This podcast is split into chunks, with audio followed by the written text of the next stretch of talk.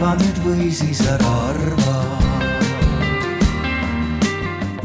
tere kõigile kuulajatele, paluti ette öelda, et seda arutelu nüüd eh, toetab Euroopa Liidu Regionaalarengu Fond ja me hakkame arutama sellise teema üle nagu mida sööme kriisi ajal.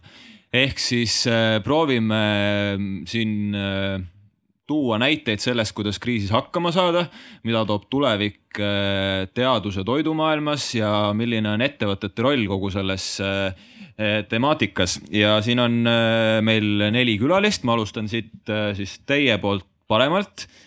Ruve Šank, tema on endine ÜRO Toidu- ja Põllumajandusorganisatsiooni minister-nõunik. tervist.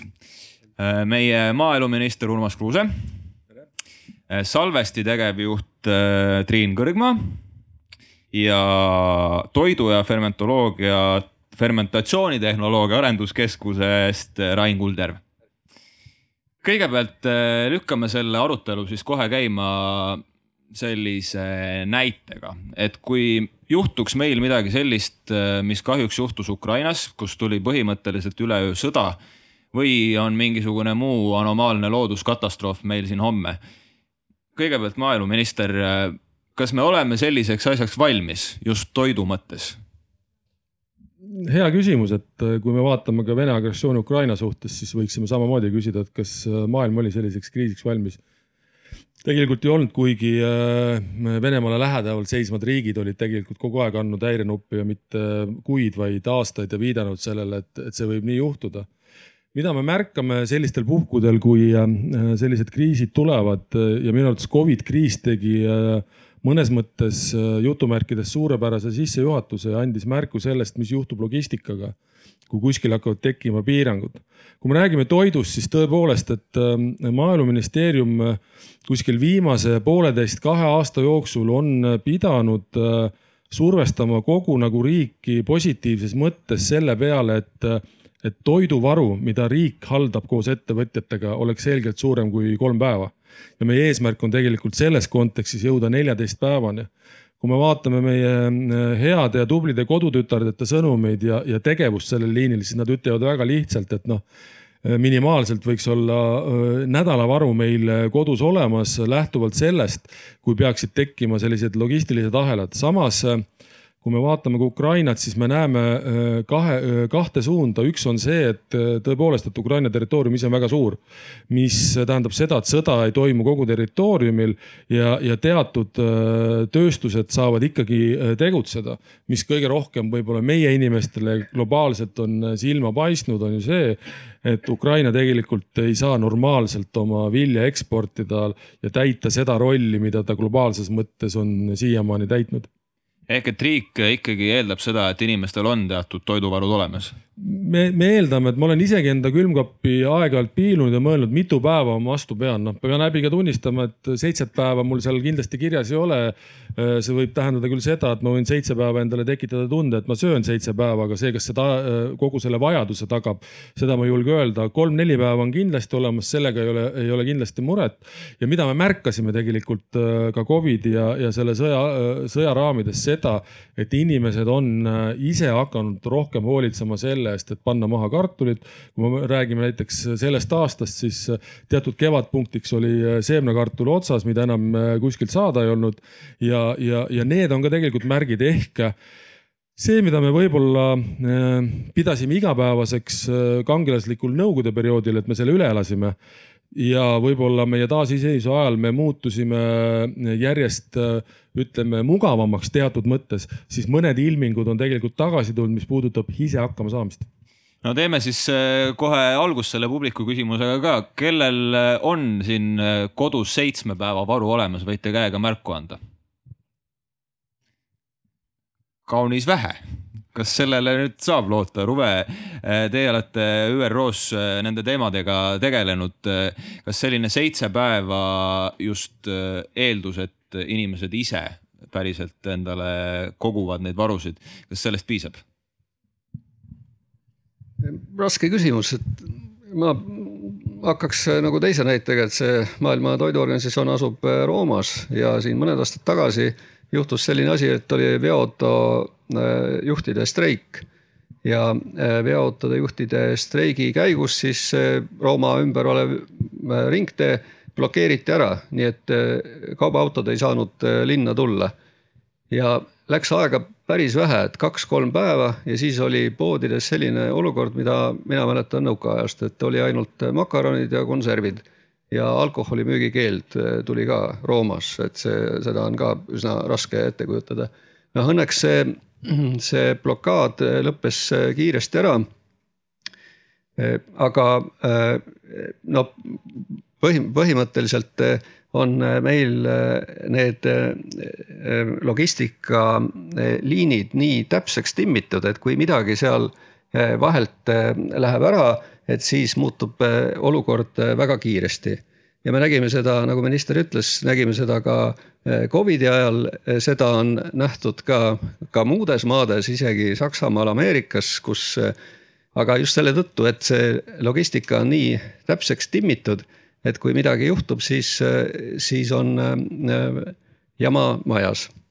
aga kui nüüd püüda küsimusele vastata, et mis seal siis mis seal FAO-s ehk Maailma Toiduorganisatsioonis selle nii-öelda toidu varumise kohta eh, öelda on, siis eh, on viimasel ajal arendatud seal seda niisugust eh, linnaaedade mõtet. Ja tõesti mäleta, kas see oli Kongos või kuskil Aafrika riigis, igal juhul oli, kus arendati niisugust koduaedade programmi ja suudeti kuuskümmend viis protsenti äh, vajalikust äh, köögiviljast äh, kasvatada nii-öelda koha peal, et on võimalik. Triin, Salvest on üks Eesti suurimaid toiduettevõtteid, kui suur osa sellel varustatusel siiski nii-öelda teie vaates on, kui oluline see on? No ütleme, et äh, koroonakriisi algusega tegelikult tuli see välja, äh, et äh, kui esimeste päevadega, esimese nelja päevaga müüsime me tühjaks laost kaks kolmandikku ja kuu aja pärast oli see uuesti kõik olemas, ehk siis ei katkenud ükski tarneahel ja tarbijate jaoks nende lemmiktooted olid olemas aga võib-olla siinkohal ma natukene tooks seda pilti laiemaks, et me räägime seitsme päeva toiduvarust, me räägime kõigest sellest, aga kui me räägime toidujulgeolekuks ja kriisiks valmistumisest, äh, siis me ei saa ka mitte kuidagi üle ega ümber ka energeetikajulgeolekust. et äh, selleks, et toitu toota nii äh, tööstustes, põllumajanduses kui ka, olgem ausad, ka kodus, jah, me võime ka grilli peal teha või siis äh, nii-öelda ahjus, aga meil on vaja ühel või teisel viisil energiat. ja täna tegelikult äh, toidutööstused ongi vastamisi väga suurte probleemidega, mitte selles, et äh, kas me saame toota, kas me saame tooraine, kas me saame pakendi, vaid kas meil on energia, et toota neid tooteid et jah, neid alternatiive on otsitud, neid on investeeritud nii palju kui vajalik või võimalik on olnud, kui kiiresti see on võimalik olnud. aga see mängib paratamatult meeletult rolli siin. Ain eh, mul on eh, üks väike vastuküsimus lihtsalt, et eh, okei okay,, et seitsme päeva varu on kodus olemas, aga pärast seitsmendat päeva, mis siis saab, kui see logistika kõik ei tööta? Siinkohal võib-olla siis maaeluminister oskab sellele vastata, sest et kui on riigil seitsme, tähendab inimestel seitsme päeva varu otsas, siis midagi ju peab saama. Äh, kuidas ennustada maailma lõppu, oli selle küsimuse nimi. midagi sellist äh, tegelikult äh, loomulikult see, mida ma viitasin, on ka see, et ma toon teile lihtsalt näite, et te saaksite aru ja me oleme siin ka äh, Äh, kuigi maaeluministeeriumi survel siis äh, logistiliselt teatud asjadest vastutab äh, majandus-kommunikatsiooniministeerium ja, ja vastutab koostöös meiega ja, ja seesama, ütleme, kui me räägime sellest, et nad peavad sellel aastal hankima siis inimtoidu kuue kuu varu või kogu viljavaru üheks kuuks, siis see, ma arvan, et see läheb meil umbes maksma maksumaksjana nelisada, nelisada tuhat ja me räägime siin mitte väljaostmisest, vaid no, no põhimõtteliselt optsioonist või võimalusest see välja osta, mille eest me peame siis äh, tegelikult äh, maksma, et ka see on üks näide sellest riskide maandamisest. nüüd teine on see, et tuleb ju tunnistada seda, et, et me ükskõik kui palju me nagu siin äh, tarku päid kokku paneme ja püüaksime luua erinevaid mudeleid selleks, et kui üks või teist sorti kriis tuleb, siis see kriisis tegutsemine muutub äh, kuussada või rohkem protsenti aktuaalseks, mis tähendab tegelikult seda, et kõigepealt sa pead võtma maha esimese šoki ja selleks sobib nii riigi äh, toiduvaru ettevõtjatega kokku lepitud toiduvaru pluss ettevõtjate enda teatud äh, nõndanimetatud varud pluss inimese personaalne varu.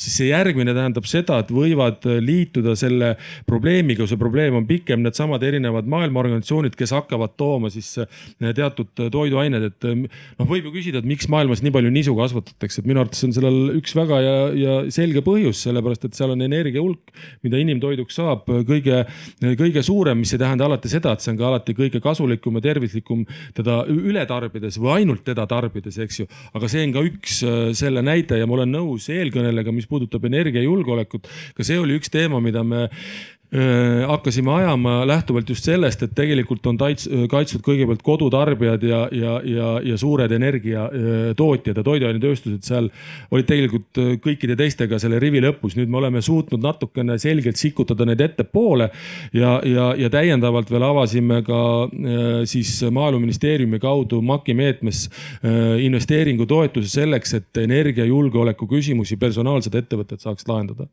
Rain, me oleme nüüd äh, arutanud juba selle üle, et inimestel võiks olla see toiduvaru olema, kodus olemas, aga milline see toit äh, on selline, mida endale varuda ja kas tänapäevased tehnoloogiad selleks on äh, nii-öelda piisavad, et me, olgu energia, me saame sealt kätte, aga kas seal nii-öelda tervislikkuse aspekt ka on mainitud kuskil? Jah, just siia jutu jätkuks võikski öelda, et kõik võivad oma toiduvarud ka üle vaadata, et eks esimene asi kriisis ongi, et saada energia aga see on alati lühiajaliselt kriisil, nagu siin toodi näited, tänapäeva maailm on näidanud, et kriisid võivad minna väga pikaks. ja millega siis toiduteadlased saavadki seda kriisiaega siis toetada, ongi see, et arendada järjest rohkem täisväärtuslikke toite. järjest parema, ütleme siis pikema säilivusajaga selles mõttes, et tõesti oleks võimalik neid varuda, et nad ei oleks nii kiiresti riknevad näiteks, et oleks võimalik tekitada mingi varu. ja kuna kriis ongi, mis on nüüd uuemad suunad, võib-olla ütleme siis kriisitoidus, mille me loodame tulevikus ka siis äh, projekte teha äh,. praegu on need ideed hakanud järjest kerkima, kuna maailm on nii palju muutunud. et tõesti kontrollige, kuidas siis selle nii-öelda kriisitoidu pikemaajalisem säilimine, et me teeme hästi palju tegelikult selliseid inimkatseid.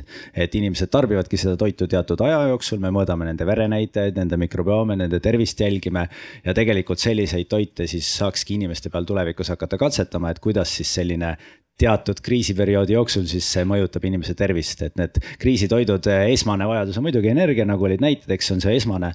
aga tõesti, kui need kriisid venivad pikaks, et siis tuleb hakata selliste toitude peale, selliste toitude arendusega tegelema me kindlasti jõuame ka selleni, sest et äh, see on üks väga põnev maailm, mis meid äh, tõenäoliselt siin võib ees oodata järgnevatel kümnenditel Triin, kuidas, kui me nüüd tagasi tuleme selle riigi varustatuse poole peale, kuidas teil näiteks riigiga omavahel suhtlus on, kui palju te neil teemadel omavahel suhtlete, et oleks mingisugune kindel plaan olemas? väga palju mis, kuidas see igapäevaselt päris, päris mitte, aga noh, niisugune igakuiselt kindlasti. et äh, riik on tugev partner ettevõtete jaoks ja ettevõtete roll on ka riiki aidata nendes kriisides, sest et riik ei pruugi ka teada kõiki nüansse, et igal tööstusel, igal sektoril on oma väga suured nüansid. toidutööstusel eriti neid reegleid on mustmiljon, et äh, Urmas võib öelda et ei ole lihtne neid teada kõiki. et äh, aga noh, tegelikult äh, see roll riigiga koostöös on väga suur küll aga võib-olla tooks siia sisse selle aspekti, et kui me räägime toidu varumisest ja sellest seitsme päeva varust, mis meil võiks kodus olla või pikemast varust või siis ise kasvatamisest, siis kindlasti siin on üks oluline aspekt ka, mida me peame meeles pidama, on see, et me varuksime toitu, mida me päriselt ka tarbime. ehk siis, et äh, kui me ei söö hirssi, siis meil ei ole mõtet koju osta hirssi.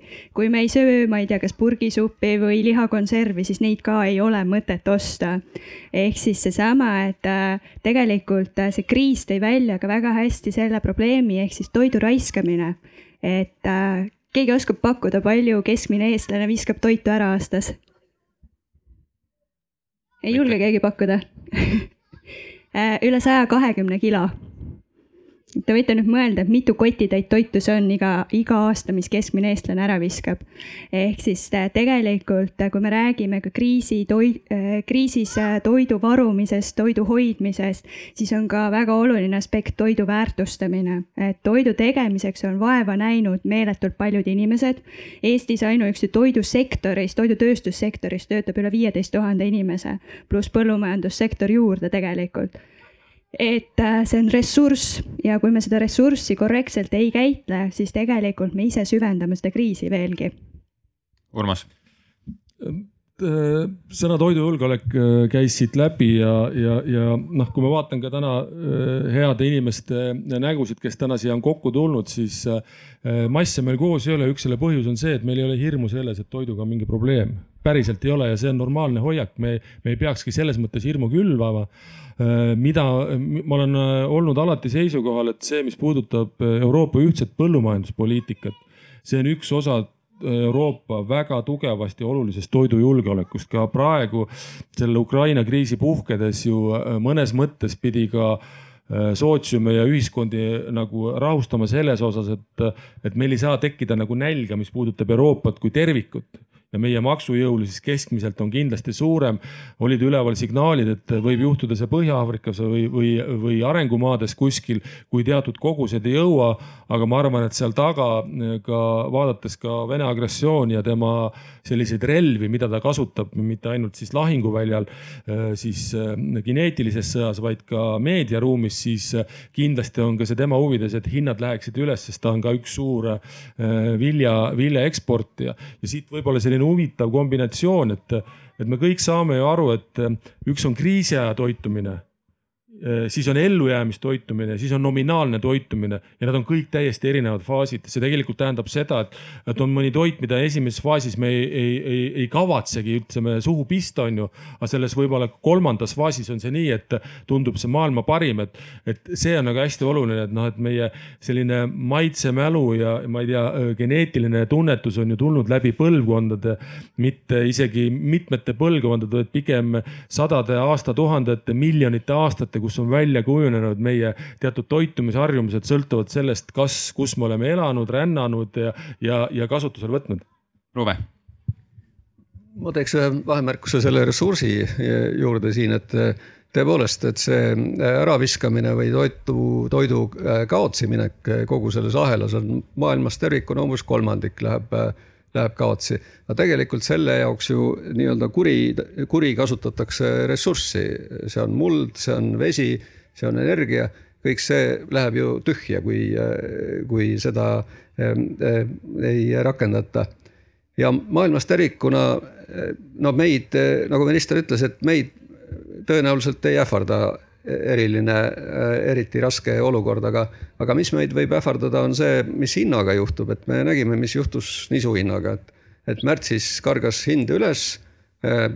no päris, no ütleme pooleteisekordseks läks.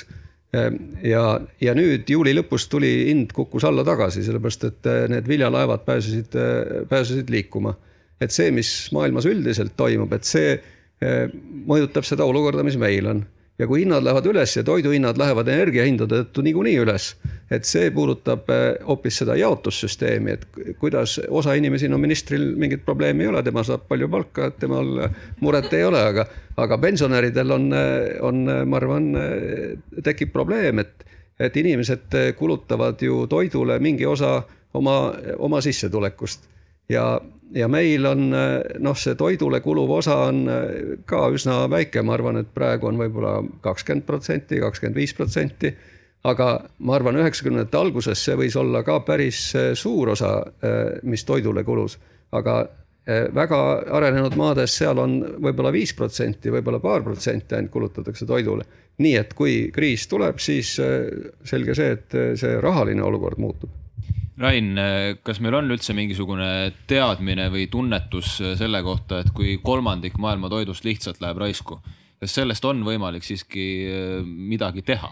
Äh, jah, ikka seal tulebki vaadata täpsemalt, milline see toit on või mis, mis need raiskamised on, et kui siin äh, viimased uuringud on näidanudki, et tegelikult see raiskamine, minnes tagasi nüüd, et seal on erinevad sektorid, näiteks toiduainetööstus, tarbija, restoranid, et tegelikult toiduainetööstuses oli see nii-öelda toidu äh, Äh, kao teke siis oli üheksateist protsenti, aga selle juures olid kõik need, mida tegelikult inimesed toiduks ei tarbigi, näiteks koored, seemned. et minnes sinnakanti, et seal tegelikult ütleme ausalt, tööstused on väga optimeerinud, et midagi ei läheks raisku, sest kõik on kulu, siin kõrval noogutab. kõik on raha. jah, kõik on raha, äh, aga ikkagi, mida teadussuunas sisse tuua, järjest ikkagi on teatud projekte, kus me üritame ka need, mida praegu loetakse jäägiks, ikkagi sealt väärindada. näide, millega ise oleme tegelenud, näiteks õunamahla pressimisjääk, et õunu pessitakse maailmas ikkagi väga palju, miljonites tonnides, et siis seda jääki tekib päris palju, aga tegelikult seal jäägis on siis söödav osa, mida võiks siis veel toiduks eraldada. nii et selliseid projekte ja tegevusi on ka nii-öelda tuleviku vaates kindlasti, et just seda et seda jääki väärindada, aga siin ikkagi paratamatult, mida see uuring on näidanud, see kodutarbijate juures tagasi minnes, tegelikult on vaja ikkagi äh, tar-, nii-öelda kodutarbijaid ehk siis tavalisi inimesi rohkem harida, et tõesti mitte toitu vähem raisata, sest paratamatult see on ikkagi riknenud toit tihtipeale.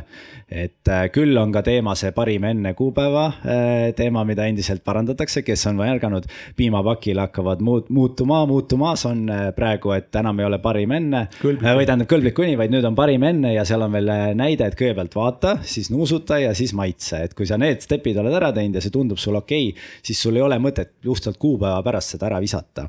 nii et tegelikult siin paneks ikkagi südametunnistusele ka tarbijad, et me võime küll äh, siin äh, mõelda veel jääkide väärindamise peale ja muid tulevikku põnevaid lahendusi, aga kui tarbija ikkagi meelevaldselt väga palju ära viskab, ostab näiteks rohkem, kui tal vaja on ja pärast vaatab, et poolt ei jõudnud kahjuks ära süüa. et siis see on ikkagi tarbija vastutus ja noh, nagu siin näide oli, et kui tarbija lõpuks läheb see toit kallimaks õnneks või kahjuks, siis see tegelikult paneb tarbijad ka mõistlikumalt siis oma ostma ja oma nii-öelda külmkapi sisu näiteks planeerima. Urmas. sul oli äh, hästi palju äh, selliseid märksõnu, mis kõik on absoluutselt selles ühtses nagu toiduahelas äh, olulised ja, ja võib-olla alustades hinnast, et tõepoolest, et et Ruve märkis nagu õigesti, et loomulikult on igas ühiskonnas sotsiaalseid gruppe kellele ühel või teisel hetkel on teatud tarbimine keeruline ja kui me räägime toitumisest ja toi- või õigemini toidu söömisest, siis see on ju esmavajadus, et see ei ole mingi see, et ma lähen ükskord, äh, ükskord äh, siis välja ja söön lihtsalt ära ja siis kuu aega midagi ei tee. et selle tõttu nende riikide võimekus ka siis sotsiaalselt äh, neid riske maandada ja, ja toetada on kindlasti nagu ääretult oluline. teiselt poolt see kolmkümmend protsenti raiskamist, et et kuidas see asetub sellesse eesmärki, mida me tegelikult tunnetame ja, ja järjest rohkem ka noorte põlvkondade pealt tunnetame, kuidas nemad suhtuvad teatud sellisesse keskkonnahoidu ja jätkusuutlikkusse, et noh, et kui me kolmkümmend protsenti lihtsalt viskame ära, kujutame endale ette et me maksame, meil on sada eurot ja iga päev me viskame kolmkümmend eurot minema, et nagu öelge, et kas te tahaksite seda teha, tegelikult me ei taha seda teha. see tegelikult tähendab seda, et nende logistiliste ahelatega on hädavajalik teha ja mida sa mainisid, mis puudutab, mida ma olen ka põllumeeste seas rääkinud ja, ja ka tööstusega oleme erinevaid diskussioone pidanud. ettevõtja mõttes on tal tegelikult mõistlik ära väärindada iga asi, mis tal seal tööstuses kaasa tuleb, absoluutselt iga tolmukübe et see on tegelikult see nagu ideoloogia. Ja, ja teil on õigus ka selles osas, et mida kallimaks erinevad toorained äh, või toormed lähevad, seda rohkem sa otsid neid võimalusi neid tegelikult äh, nagu väärindada. Ja me, äh, mul on, on võimalus ja au käia ringi ka siis aasta põllumehe žüriiga mööda Eestit ja, ja, ja talupidajate keskliidu žüriiga ja, ja külastasime ühte sõna otseses mõttes väikest alternatiivset toiduettevõtet. Ja tema ütles, et kõik see, mis tal mahladest, pressidest välja tuleb see läheb kõik taaskasutusse, tõsi, nüüd on seesama asi, et sina ütlesid väga kenasti, et äh, hea, kui seda saaks veel toiduks panna, et see on nagu selline mõnes mõttes kõrgem väärindamine. aga kui seda osa pannakse tagasi näiteks selleks, et äh, pannakse komposti, pärast seda uuesti põllu peale, siis tuleb sealt uuesti toode, siis see on tegelikult sama ahela üks osa.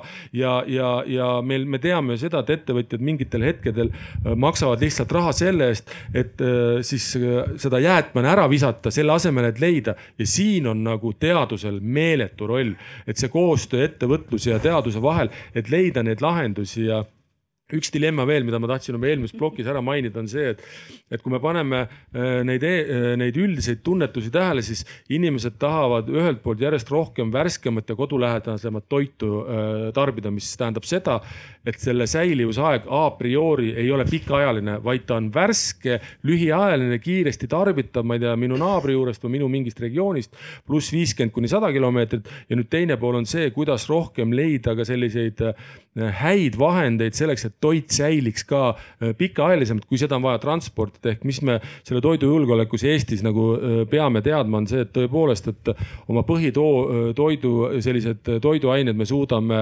üldiselt toota kas sama palju, kui me tarbime või rohkem, siin teravilja puhul üle kahe korra rohkem, piima puhul seal üks koma kaheksa pluss-miinus sõltuvalt sellest aastast.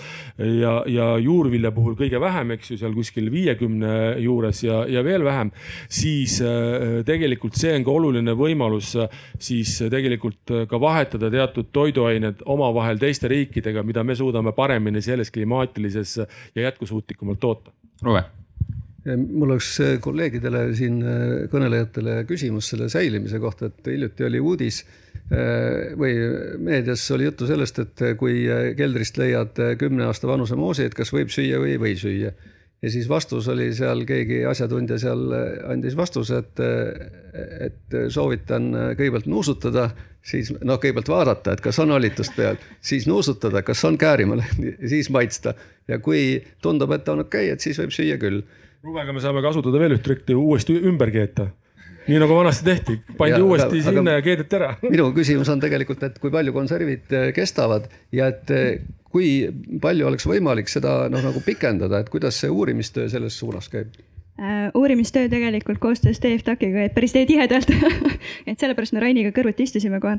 aga tegelikult tõsiselt rääkides, siis tegelikult äh, steriliseerimise, mis on siis konservitehnoloogia põhiline eesmärk, on see, et me jõuame äh, nullastmeni, ehk siis, et meil ei ole seal elu, meil ei ole seal mitte midagi. jah, seal säilivusaeg on olenevalt siis tootest äh, üks kuni kolm aastat. tegelikkuses ei juhtu selle tootega midagi ka edaspidi, kui ta ei ole kuskilt pidi vigastatud, tal ei ole midagi õhku juurde saanud, ta ei ole kuskilt mingisuguseks oma elutegevuseks vajalikku, vajalikku äh, mükse, müksatust saanud nii-öelda. ehk siis äh, tegelikult toidutööstuse poole pealt äh, kindlasti äh, värskuse tagamine ja samal ajal siis säilivuse tagamine on kõige olulisemad asjad, aga seda tehakse alati äh, võtmes, et toiduohutus ei tohi mitte mingil juhul olla selle nii-öelda tagajärg, ehk siis toiduohutus peab olema tagatud, siis on juba maitse värskus ja sellisel, siis tuleb säilivusaeg. ehk siis äh, see on igapäevaselt laual. kindlasti on toidutööstuse eesmärk see, et äh, me saaksime süüa võimalikult värskelt, võimalikult maitsvat toodet ja tervislikkus sinna juurde. muidugi tervislikkus on see huvitav väide, et äh, igaühe jaoks tervislikkus on erinev, mõne jaoks on kanafilee jube tervislik, aga teine, kui selle fritüüri paneb, no kas on tervislik, ei ole, on ju. ehk siis tasakaalustatud toitumine ka kindlasti sinna juurde jah, ja võib-olla siia lisada, et äh, lisaks siis sellisele nagu steriliseerimistehnoloogia, mis siis võimaldab tõesti toite väga pikaajaliselt äh, säilitada, kes on siis huvilised, võivad isegi internetist võib äh, endale ilmselt soetada päris kalli raha eest teise maailmasõja aegseid konserve. mis tõenäoliselt, nagu siin mainiti, et tegelikult mikrobioloogiliselt seisukohalt võivad olla okeid aga mis on juhtunud maitse ja kõige muuga, no. värvusega. jah, värvusega ja toiteväärtusega, sest noh, ongi, et, et toiteväärtus ikkagi ütleme sellise aja tagant nagu teine maailmasõda on ikkagi langenud oluliselt seal. aga ütleme mikrobioloogilisest seisukohalt ta võib nagu olla okei okay., jällegi tulles, et kui on tõesti väga suur nagu see, ütleme, see on siis viienda astme nälg juba. kui on tõesti midagi ei ole, siis sa sööksid selle ära, mingisuguse kalori sealt saaksid, et väike kriisiabi oleks. see on see ellujäämis. jah, see on see ellujäämisfaas nii-öelda, ütleme, et siis oleks hea, aga on ka ju teisi tehnoloogiaid tehnoloogiaid, mis ma ei saa öelda, on uuemad, aga ikkagi kasu, äh, ütleme, et on mõnes mõttes unustatud vana, eks siin on erinevaid näiteid, et kui me hiljem äh, trendidest hakkame rääkima, et mõned asjad on võib-olla lihtsalt unustatud vanad, jälle uuena tulnud. et siis äh, näiteks üks on siin suuremaks on siis läinud külmkuivatustehnoloogia, mis siis võimaldab tõesti jällegi mitte mikrobioloogia, millest siis tuleb erinevus, miks see ei rikne, on see, et vee aktiivsus on nii madal, et mikroorganismid ei saa seal põhimõtteliselt kasvada, ei hallitused, ei bakterid, ei pärmid. et selline tehnoloogia pakkujaid on ka ja selliseid eh, nii-öelda matkatoite ja ka militaarotstarbel siis ikkagi kasutatakse. ja nende säilivusaeg on ka seal siis ütleme, tegelikult me oleme katsetega näidanud, et isegi üle kaheksa aasta. Urmas. ja mul tuli selle Ruve kompoti näitega meelde seda, et siin eh, mingil ajal tehti ka eh, kividega ploomikompotti ja muid asju ja, ja, ja, ja, ja mingil hetkel noh, ma ei tea, kas ei olnud teadmist sellest nii palju räägitud, et noh, et seda ei oleks mõistlik nagu hoida, aga me siin sõitsime seltskonnaga ringi ja just üks hea kolleeg hakkas rääkima, et tal äh, kallis tädi lahkus ja, ja, ja pärandus on nii suur, ma ütlesin, et mis see pärandus siis on.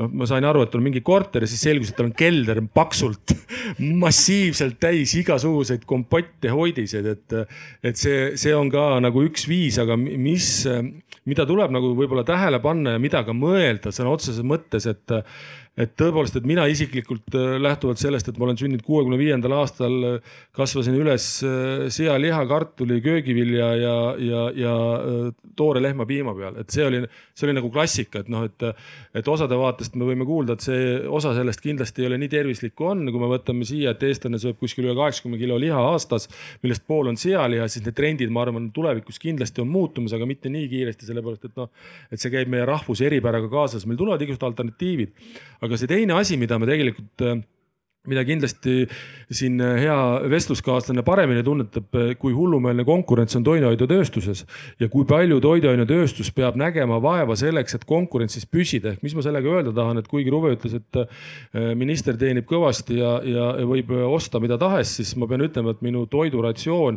sellises laiapõhjaluses ei ole ei väga keeruline ja, ja, ja lai ja, ja mina näiteks toidu pärast äh, sõltuvalt ma nagu nii palju ei muretse, et, et, et ma tean, mida ma saan teha teha selleks, et normaalselt toituda ja see ei ole üldse kallis, et noh. aga me peame samas tunnetama, nii nagu Ruvegi ennem ütles, et, et, et neljaliikmeline perekond, kui ta läheb ükskord restorani ja, ja käib sealt välja minimaalselt sada eurot või rohkem, siis see võib olla kümnendik või kahekümnendik tema kogu rahast, mida ta saab toidu peale kulutada ja me saame aru, et see ei ole võimalik. see objektiivselt ei ole võimalik, et sealt tulevad need tarbimise erinevused ja, ja teine on see, et meile ju tegelikult tarbijana sunnitakse peale järjest rohkem uusi toite, ka need maitsevõistlused võistlused käivad ja seda, et see on natuke sama asi, et noh, et, et kujutate ette, et poes ongi ainult äh, kapsaskaalikas kartul, sealiha ja äh, rukkileib, mis on väga oluline, vähemalt kaks päeva, kaks kääru rukkileiba äh, iga päev tuleb süüa, ütles minu kadunud vanaema. ja, ja, ja me võiksime nagu selles mõttes hakkama saada, aga see konkurents on niivõrd metsik meil on praegu siin Urmas Kruuse selline toidulaud ette pandud. see hommiku, tähendab see lapsepõlve toit, mis te ütlesite, võite seda korra korrata? jah, see, see, see lapsepõlve põhitoit oli eh, sealiha, et see tähendas seda, et kaks sigat eh, hooaja peale, üks soolatünnis, teine suitsutatuna sahvris, millest tehti kogu selle perioodi jooksul toitu, kartul kasvatati ise maad väetati lehmasitaga, piim tuli sealt ja juurikas ka. noh, see on klassika, tõsi on see, leiba me kodus ei küpsetanud. no nüüd, kui me räägime siin tervislikust toidust ja sellest, mis kõigile meeldib, see kirjeldatud toidulaud, mis praegu siin oli, kelle jaoks see on praegu tervislik, võite käe üles tõsta? no siin on ka tervelt üks, kaks, kaks ja pool kätt, no kolm nii et äh, Triin, ma kujutan ette, et äh, teil on täpselt see samasugune olukord seal, et peate kõigile meeldima enam-vähem. Äh, kõigile meeldima, kõigile, kõigil on oma arvamus toidu osas ja lisaks veel teenindama kõiki äh, sotsiaalsegmente. Ehk siis nendele väga premium inimestele, siis keskklassi inimestele ja ka sellise õhema rahakotiga inimestele, et toidutööstus on, on see, kes peab kõigile tagama toidujulgeoleku mis see premium klassi või kõrgema klassi inimene teie puhul tähendab, mis sinna toidu siis, siis teistmoodi läheb noh, teistmoodi selles suhtes äh, lähevad koostisosad, et kui me räägime näiteks sellisest äh, kaasahaaratavatest toitudest, lisandväärtusega toitudest, kuhu on näiteks kõrgendatud kogus kiudaineid pandud, erinevad smuutid, lahendused. et igaüks meist ei, ei saa seda endale lubada ja see on täiesti arusaadav, et seda ei peagi kõik endale saama lubada, et äh, neile, kes äh, soovivad midagi muud, on teistsugused tooted ja toidutööstus siis arvestabki sellega, et tõesti igale klassile midagi, igale maitsele midagi, veganitele, laktoositalumatutele, kõikidele gluteenitalumatutele ja nii edasi ja nii edasi, et toidutööstus teenindab väga-väga laia sektorit. üks huvitav mõte, kas ta ei ole huvitav, aga tähelepanek, mis, mis on, et et kuidas me poes käime, et äh, kui ma küsiksin teie käest, head kuulajad, siis äh, mida, mida te poes selle toidu puhul jälgite kõige rohkem, mida te kõige rohkem, kes jälgib hinda kõige rohkem? võite käega märku anda või käega märku. kõvemini öelda. Äh, kes vaatab koostist? mida te hinna puhul vaatate? Ma lihtsalt toon teile näite, et kuidas meid äh, kaupluses hullutatakse, et noh, et kollased sildid on see kõige lihtsam ja klassikalisem näide, eks ju. võtate ühe paki, vaatate, oo, väga odav, vaatate kilo hinda, kui viitsite arvutada, saate aru, et põrguvärk, et täitsa hullumaja ju. et mida see tegelikult nagu tähendab, et mida ma sellega nagu öelda tahan, et kui me ise äh, teadlikult toitume ja tarbime ja ostame, siis me ei pea nii palju toidu peale kulutama mm -hmm. või me saame oma sortimenti laiendada, sest me oskame tarbida. ja mida ma sellega öelda tahan, no minu nagu, ma lihtsalt toon näite, et minu üks võib-olla fundamentaalne printsiip on see, et ma üritan üheksakümne üheksa protsendi juures tarbida siis, siis jahutatud liha selles sõna otseses mõttes. Ja kui ma panen, kõrvutan sinna vorstikilo või mingi muu asja kõrvale, siis üldjuhul vorst kaotab igal juhul, ükskõik kuidas ma teda vaatan, lähtuvalt sellest, mis ta sisaldab, mida iganes. ja nüüd tuleb juurde, et mul vist härra Silmer vist kirjeldas siin ühes äh, meediaväljaandes, ta on mitu korda seda rõhutanud, et, et kui palju meie lihatarbimise vajadus päevaks olema, kui ma ei eksi, järsku see oli kuskil sada kakskümmend grammi pluss-miinus umbes mm., mis on nagu meie tervise mõttes okei okay,, aga ka mina liialdan sellega, aus vastus, sellepärast et kuna ma viinerit ostan haruharva ehk viiner, viiner minu jaoks personaalselt on eksklusiivne toit. ausõna, eksklusiivne sellepärast, mis puudutab äh, tema maitseomadust, tema kiiret käsitlemist ja tema hinda ka, et ta ei ole minu jaoks nagu konkurentsis, et, et see on ka üks asi ja seesama, mida sa ennem väga kenasti rõhutasid, et, et kui tänasel päeval on seal paki peal viiskümmend, eks ju, sul on kaks varianti, sa lähed koju, teed selle kohe ära või paned kohe sügavkülma, eks ju, ja teed hiljem ära ja sa oled tegelikult selles mõttes nagu säästnud ja sa ei pea tegelikult muretsema, sellepärast et ma, ma, ma olen toidutootjate peale selles osas kindel. Aga alati, nii nagu meid vanasti õpetati, ennem nuusuta ja, ja see ei ole häbiasi, et nuusutamine ei ole häbiasi, vaid see on tunnetus sellest, mida ma ennem suhu panen, et see on väga mõistlik jah, just, et ma lisaks ka, et ongi, et äh, siin toiduohutus on küll hästi oluline, aga vahel tõesti sellega nagu nii-öelda pingutatakse mõnes mõttes üle või kuidagi nagu jälgitakse näiteks noh, nagu ma mainisin seda kuupäeva ainult. et tegelikult selline nagu öeldud, mõistlik lähenemine, kõigepealt nuusuta Äh, vaata, nuusuta ja maitse, see aitab äh, tõesti vähendada seda raiskamist ja ma arvan, et kui see üks võti ikkagi on selle raiskamise vähendamine, sealt on väga palju võita tegelikult. kuigi siit võib tulla nüüd see mingi äh, säuts, et minister Kruuse soovitas nuusutada, siis saab kõvasti kokku hoida. ma mäletan, mis juhtus vaese Maris Lauriga, kes soovitas aknatihendeid panna, et inimesed tõusid tagajalgadele, kuigi tegelikult see oli ära unustatud vana, et, et kui kellelgi on veel aknatihendid panemata, siis peaks seda kindlasti kiiresti tegema. ma lisaks ka, et ongi tegelikult paljud asjad on tegelikult ära unustatud vanad et äh, lihtsalt kipume liiga palju igast uusi asju välja mõtlema, et mõnikord äh, paljud asjad on tegelikult olemas. no teatud asju saab ka sügavkülma muidugi panna. Rove et ma, ma tahaks natuke kaevata, tähendab äh, labidaga, tähendab selles mõttes kaevata kellegi peale?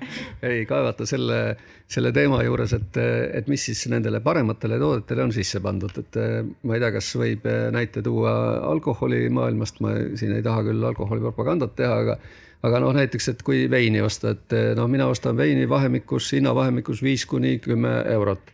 Ja, aga ma tean, et on veinid, mis maksavad viiskümmend eurot, maksavad viissada eurot, et mis seal siis noh, parem on, aga no okei okay,, jätame need veinid sinnapaika, lähme kurkide juurde, et on delikatesskurk, et mille poolest siis delikatesskurk parem on ja, ja. sa võtsid ja, ka kõige valusama teema praegult et üks on hapukurk ja teine on delikatesskurk. Äh, tegelikult nende puhul ei ole mitte mingit vahet, on kurgi suuruse vahe. Ja kurgi suuruse vahe tuleb siis sellest, et mis hetkel ta põllu pealt on ära korjatud. Et äh, kas ta on niisugune väike mõnus ampsakas, kas ta on natuke suurem või veel suurem? Ja sellest siis tuleneb see hind, ehk siis see, et kui mitu korda põllumees on põllul käinud et vahet seal otseselt ei ole, aga, aga seal on natukene lihtsalt see nii-öelda koostisosa, koostisosa kasutusaeg on vahe. kas see tähendab ka seda, et tegelikult äh, täitsa loogiline, et delikatesskurk peabki kallim olema, sest teda on äh, vähem ja, ja, ja, ja saagikuse osas on teda rohkem või vähem ja kui tuleb see tavaline klassikaline suur kurk, siis tema hind äh, selles mõttes ongi odavam. kindlasti, et selles suhtes natukene võib-olla on see, see soola haava peale hõõrumine praegusel kurgihooajal. et äh, aga teistpidi võib-olla me jõuamegi selle teise poole juurde, et äh, põllumajandus. et äh, miks ma ütlen, et see on soolahaava peale hõõrumine, on see, et viimased kaks nädalat mina olen käinud mööda põlde ja kuulanud täpselt sedasama muret, et energia on kallis, inimesi ei ole ja kurki põllu pealt kätte ei saa. mis siis tootja teeb? tootja ütleb, ahah, okei okay,, noh, üritame lahendusi leida, aga lõppkokkuvõttes see kandub ju ka tarbijateni et kas see toode seal purgis on, ehk siis, et kas härra minister saab talukurki endale jõululaua peale või mitte siiani olen saanud. see on väga ilus selline ministri toidulaud siin juba vaikselt kujuneb välja. et kui, siis juba on ju. jah, kui juba, siis juba. see ei olnud tahtlik. aga siiski siit edasi sa juba mainisid seda, et mis toimub põldudel ja kuidas on selle tööjõuga. enne kui palume siin äh, publikul ka, võite juba aegselt mõelda küsimusi, kes soovib esitada, siis tegelikult see tööjõu küsimus põllumajanduses on ju äh, väga karm. Triin, te ise saate seda praegu ka väita, et ega ei ole lihtne inimesi leida? ei ole lihtne inimesi leida ja noh, tegelikult äh, mida meie näeme ise tööstusena, mida näevad ka põllumajanduse ettevõtjad tegelikult on see, et kui oli teatud oh-, ootus ja lootus, et need sõjapõgenikud, kes on siia jõudnud, meie enda töötud, oleksid valmis tööle minema, siis eh, ega tegelikult põllu peale tööle ei taheta minna. tööstus on niisugune veel okei okay,, et tööstusesse võib minna, aga põllu peale, noh, see on juba niisugune, ei ole populaarne kahjuks. jah, natukene meie kapsaaeda ka ja, ja see aed on üsna suur üldiselt, kui me vaatame globaalset äh, majandust, siis on selge see, et äh, enamus äh, riikides siis hooajatööd teevad siis võõrtööjõud või selleks ajaks sinna toodud tööjõud. see on objektiivne. teine osa sellest objektiivsus on see, et mida rikkamaks läheb ühiskond, seda vähem soovitakse põllumajanduses töötada mis selle nagu positiivne pool on, räägime noh, positiivsest poolest on see, et üritatakse leida tehnoloogiat, nutikaid lahendusi selleks, et tööjõudu oleks vähem, et me ju kõik mõistame ja mäletame seda, et kui me taasiseseisvusime siis üheksakümnendate aastate alguses, siis põllumajanduses oli üle saja viiekümne tuhande, noh ligi sada viiskümmend tuhat inimest tööl ehk hõivatud täna on sinna jäänud äh, üle kümne tuhande pluss-miinus sõltuvalt sellest, et kuidas me neid kaasnevaid sektoreid seal äh, arvestame. ja kui me vaatame seda efektiivsust, et me, me, me näeme, et näiteks väikese taluperega on võimalik ära majandada um tuhat ja rohkem hektarit maad, mis puudutab teravilja Äh, loomakasvatuses äh, samamoodi on teatud sellised etalonid, mm, kus on, saab ette ära öelda, et selleks, et sa sellist äh, karja peaks, sul on vaja nii palju tööjõudu, see on kõik välja arvestatud. okei okay,, et sõltub nüüd sellest, kas sa oled saanud endale viimase lüpsimasina või, või eelviimase lüpsimasina. käisime ka ühes peres, kus on, teevad isa koos tütrega on põhitegijad, kaks tütart on seal veel abis, enda maad üle saja hektari ja sada lehma ja majandavad ära, ei ole peale ühtegi laenu, mitte midagi ja ütlevad, et nad ei kavatsegi võtta, sest see risk nende jaoks on nii suur peremudeli mõistes. et neid võimalusi on, aga tõsi on ka nüüd see, et, et see alternatiiv ongi, on ju selles, et me peame siis leidma ka äh, neid lahendusi ja me ei räägi ainult ju põllumajandusest. meil on, me küsime sellest, et kui me võtame hinnaahela, et okei okay,, toit on kallis mõnda toitu, mida me oleme, kui me vaatame dünaamiliselt viimast kümmet aastat, siis meil silme ees täna ja see on objektiivne, see on emotsionaalselt arusaadav, on viimase aasta hinnatõus, selle perioodi tõus. kui me vaatame tervet kümmet aastat, siis see tõus ei ole kaugeltki selline. piima hind näiteks on püsinud suhteliselt stabiilsena põllumehe jaoks väga madalal ja tal on väga keeruline olnud, uskuge mind väga,, väga-väga keeruline üldse, vastu pidada. ja, ja kui me võtame näiteks seal porgandi kilo, eks ju, et kui porgand oli vahepeal poes kakskümmend senti kilo, eks ju, siis mina näiteks ei kujuta ette, et kuidas sellega üldse on võimalik nagu päriselt äh, nagu hakkama saada. ja kui see porgand tõuseb neljakümne sendi peale või kuuekümne sendi peale, siis inimesed loevad, et kolmsada protsenti on see näiteks tõusnud. aga kui sa paned enda toidulauda, eks ju, ja vaatad, kui, kui palju tema osakaal on, siis see on kindlasti teine, aga tegelikult on arusaadav. üldjuhul juhtub niimoodi kõige nuhtluse saab kaela enda primaartootja ehk põllumajandus, üldjuhul. ma vaidlen vastu siin eh, ma tulen. see on teretulnud. üldjuhul järgmisena ahelas juhtub sellesama tööstusega ja, ja, ja, ja, ja kaubanduse puhul on see jõud lihtsalt nii suur läbirääkimisteks et neil on nagu survet kõige rohkem, tõsi, nende omavaheline konkurents, aga kui vaadata ruutmeetreid, kui palju Eestis on kaubanduspinda ühe eh, elaniku kohta, siis raudselt Euroopa tipus objektiivses mõttes. Mm.. ja nüüd juhtubki seesama asi, et mida see pikas perspektiivis võib tähendada, et mis, mis asju võib veel ilmas juhtuda. Üks asi, mida meil tulevikus juhtub, ma ei tea, kas minu silmad seda näevad, aga kauplused ei ole enam äh, kõik seitse päeva nädalas lahti, ei ole kakskümmend neli tundi hašš lahti, vaid see optimeeritakse kindlasti mingil hetkel ära. või siis äh, on ainult robotkassad, äh, kuskil kaamerad, asjad, käid, teed kõik oma ostud ise, kõik on pakendatud, mida iganes, seal on nii palju nagu seoseid. et selle tõttu on, mis on mure, mida, mida, mida me, mida me põllumajandust tunneme ja miks sina kurki ei saa võib-olla ja miks sa ka porgandit saan, saan, ma lihtsalt räägin läbi rohkem. ma saan aru, aga on see teema, et äh, paljud sektori osad ei taha koonduda ehk ei taha teha koostegevust. kui me vaatame ükskõik millist kriisi Euroopas, ka põllumajanduses, kõik ettevõtted, kes on olnud koostöös, on selle kergemini läbi elanud kui need, kes on iseseisvalt. me oleme nii väikesed, et noh, mis meil on üle neljasaja protsendi on meil, püüame kala, eks ju, tarbime, tarbime neli korda rohkem, noh mul õnnestus ka Hiinas käia siin ministrina mustmiljon korda, eriti kahe tuhande viieteistkümnendal, kuueteistkümnendal aastal. ma, kui ma nüüd õigesti mäletan, see oli vist äh, Pekingi äh, nädala, nädalavaru oli see, kui me räägime kalast kui sellisest, mida, mida me võime teha, et me, me saame ju aru, et, et meie kogused on hästi väikesed. see tegelikult tähendab seda, et kas me oleme nišis, kas me teeme mingit eripära või me leiame tõesti nii, et noh, kuni selleni välja, et Saudi Araabiasse vist viiakse kuivatatud heina, eks ju, selleks, et nemad saaksid loomi kasvatada, on ju.